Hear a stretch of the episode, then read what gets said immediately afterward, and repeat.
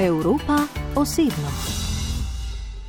Ključno urodje, s katerim filmska pripoved pritegne občinstvo, je možnost identifikacije z liki na platnu.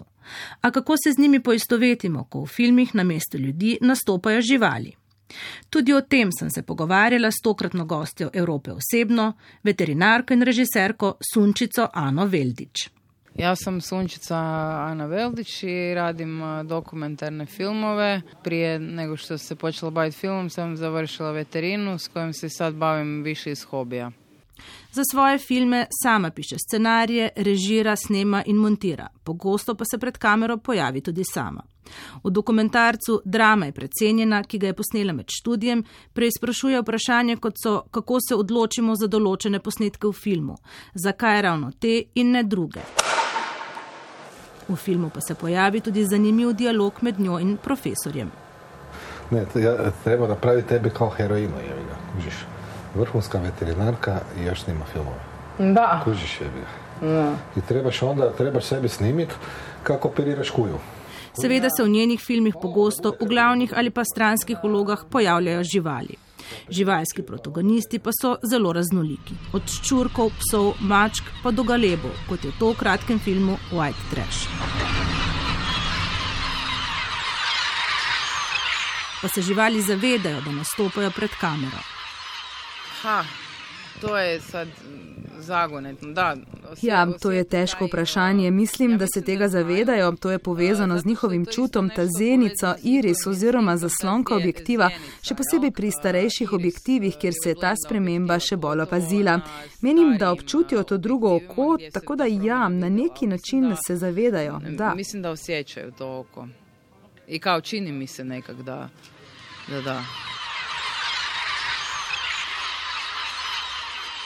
Kakšne pa so podobnosti in razlike med človeškimi in živalskimi protagonisti? Pa koliko su životinski protagonisti nepredvidivi. Kolikor so živalski protagonisti nepredvidljivi v smislu njihovega odziva na določen položaj, so po drugi strani tudi predvidljivi, saj se vedno odzovejo naravno oziroma nagonsko. Ljudje po drugi strani vedno razmišljajo o razlogih svojega delovanja in le redko delujejo spontano, razen ko so v smrtni nevarnosti. Pri živalih praviloma prevladuje nagon v smislu bojuj se ali beži, to je tudi osnova narave. Vodi jih nagon za preživetje in ohranjanje vrste, ki je, kakršen je.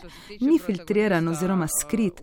Pri živalskih protagonistih v filmu pa je treba povdariti, da vedno, ko opazujemo žival v filmu, skozi njihova dejanja iščemo povezave s človeško vrsto. U filmu tražimo neke poveznice uh, sa ljudskim društvom uh, da bi se lakše poistovjetili sa sudbinom života. Da bi se lažje poistovetili z usodo živali, smo nagnjeni k temu, da njihova dejanja tolmačimo, kot da so bila storjena z najprejšnjim premislekom.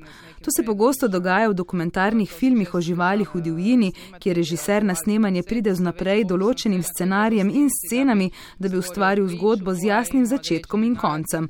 Če bi živali v naravi samo opazovali, bi seveda potrebovali veliko več časa, da bi iz njihovega ravnanja lahko ustvarili neko zgodbo. U prirodi, ako nema nekih podražaja, jako dugo bi ti trebalo da sad ti sklopiš neku priču. Leta 2020 je posnela dokumentarec Catstream o prostovoljki, ki se odpravi na otok Mljet in v nekaj urah skuša kastrirati potepuške mačke. Mic, mic. Da li bi vi htjeli da vašim škopimo? Njena namera se sprevrže v Don Kihotovski boj, saj tam naleti na odpor tako mačk kot domačinov. Užitak će tu. Nije užitak, to njima je to drugačije. Jel može sutra, molim vas? A recite koliko uzimate? Ništa. Trenutno pripravlja nov film, ki se prav tako ukvarja z vprašanjem kastracije mačk. A tokrat z drugačnega zornega kota. Kot veterinarka in torej zagovornica in ne nazadnje izvajalka kastracije oziroma sterilizacije, v nastajajočem filmu preizprašuje konflikt med zagovorniki in nasprotniki kastracije. Dok nisam upoznala filozofa Roberta Međugorca, nisam zapravo znala niti jednog eh, protivnika kastracije koji je ikad rekao nešto Dokler nisem spoznala filozofa Roberta Međugorca, nisem poznala niti enega nasprotnika kastracije, ki bi kadarkoli povedal kaj argumentiranega, razen stvari v smislu pusti jih naj živijo, naj bo naravno, ali pa ženske, ki so mlade muce zvezale v vrečke in jih vrgle v morje in tako reševale nastali položaj. Verjetno so to počeli tudi moji predniki na Murterju. Robert Medžugorac pa je nekdo, ki se dolga leta ukvarja z aktivizmom, ima stranko za zaščito živali in meni, da smo ljudje zasužnili hišne ljubljenčke v trenutku, ko smo jih začeli hraniti. In da sta tak pristop in tudi kastracija napačna. Kastracija zakačena životinja. Ja mislim zapravo da je jako drastična uh, kastracija. Uh... Sama mislim, da sta drastična kastracija oziroma sterilizacija vseh potepuških mačk in njihova odomačitev zelo grob poseg v gensko različnost in da, če ga privedemo do skrajnosti, vodi do iztrebljenja vrste. Ne glede na to, da lahko določeno vrsto vedno uvozimo od drugot, smo začeli rušiti gensko raznovrstnost na določenem področju. Ta razprava se zdi komu pretirana in mogoče ni pomembna za živalsko vrsto kot je mačka, ampak če vzamemo za primer rise, se je dejansko to tudi zgodilo. Ko je grozilo iztrebljenje risov na Hrvaškem, so pripeljali pare iz Romunije in zopet se je stvar rešila. Ampak meni je zanimivo to razmišljanje, kakšno naravo bodo dobili ljudje, ki bodo živeli 30 ali 50 let za nami. E, kakvu će prirodu zateći kao ljudi koji će živjeti, e, ne znam, 30 ili 50 godina poslije nas?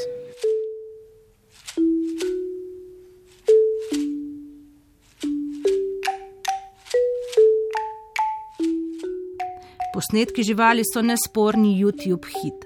Mnogi med njimi so zabavni, nekateri pa tudi precej neumni in na nek način zlorabljajo živali. Ima i glupih uh, videa sa životinjama. Nekateri videi so nespametni, drugi so zelo zabavni, težko je nasplošno oceniti. Očitno pa je, da imamo ljudje potrebo, da živali naredimo za naše otroke, da so prikupne. Da pravzaprav niso več živali, ampak jim nadevamo lastnosti, ki ustrezajo nam, ljudem. Na neki način jih zasužnjujemo in delamo iz njih ljudke. Koje nama pašu, mi jih zapravo na neki način uh, porobljavamo jel? in onda radimo iz njih uh, lutke. Po drugi strani pa živali za namene filmske zgodbe pustimo tudi umreti, čeprav bi jih najverjetneje lahko rešili z najosnovnejšim zdravljenjem. Pri tem navede primer filma, ki si ga je pred leti ogledala na festivalu dokumentarnega filma v Lizboni. Priča filma je, mislim, e, nije jedina i nije izolirana i možda nije niti toliko drastična. Ali... Zgodba tega filma vsekakor ni edina in ni izolirana, ni niti toliko drastična. Gre pa za to, da je več dokumentaristov naredilo dokumentarni film o planinski vasi, ki je bila precej oddaljena od veterinarja. Ljudje so živeli stran od civilizacije, obdelovali polje in živeli preprosta življenja. Zgodba filma je napovedovala prihod jeseni, ko se odpravlja k počitku. In tako se v filmu pojavi tudi pes, ki ima poškodovano nogo. Poškodba je bila videti kot najobičajnejša bakterijska okužba in sem kot veterinarka pomislila, da bi pes, če bi dobil najosnovnejši antibiotik, najverjetneje preživel. Ampak ustvarjalcem je glede na celotno zgodbo filma ustrezalo, da pogine. Oni so se sicer opravičevali, da so lasnika psa vprašali, ali ga odpeljejo k veterinarju in jih je ta zavrnil. Da so pitali vlasnika, da, da odvedu psa ili da bi ga odveli, da je vlasnik rekel, da, da, to, da to ne treba. Kot je že omenila Ana Sunčica Veldič, to vsekakor ni edini in najbolj drastičen primer. Podarila je tudi, da ne želi obsojati avtorjev in da je odločitev na koncu vedno stvar vsakega posameznika. Nama je govorio profesor iz um, režije dokumentarne da kao uh, ili ćeš biti čovjek ili ćeš biti... Nam je profesor režije za dokumentarni film vedno govoril, da se moramo odločiti ali bomo režiserji ali ljudje. Sama nisem ravno prepričana, da je to tako preprosta odločitev. Če sama čutim, da moram nekomu pomagati, ampak zaradi samega filma in zgodbe tega ne naredim, ker bi jo uničila, je to v nasprotju z mojo naravo in film ne bo dober. Če pa imaš drugačne prioritete, je stvar drugačna, odvisno od posameznega človeka. Ovisi od osobe.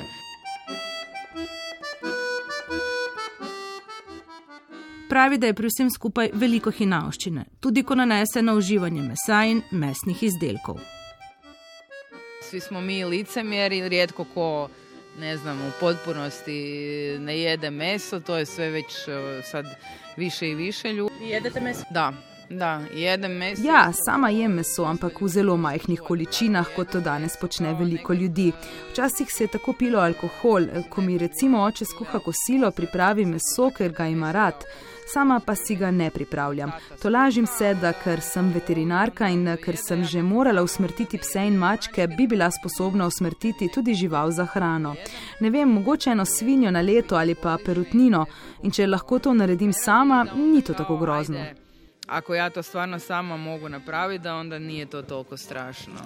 Marsikatero dilemo s svojim veterinarsko-dokumentarističnim razmišljanjem in seveda svojimi filmi odpira Ana Sunčica Veldič, režiserka in veterinarka iz Zagreba, ki je bila tokratna gostja Evrope osebno. thank you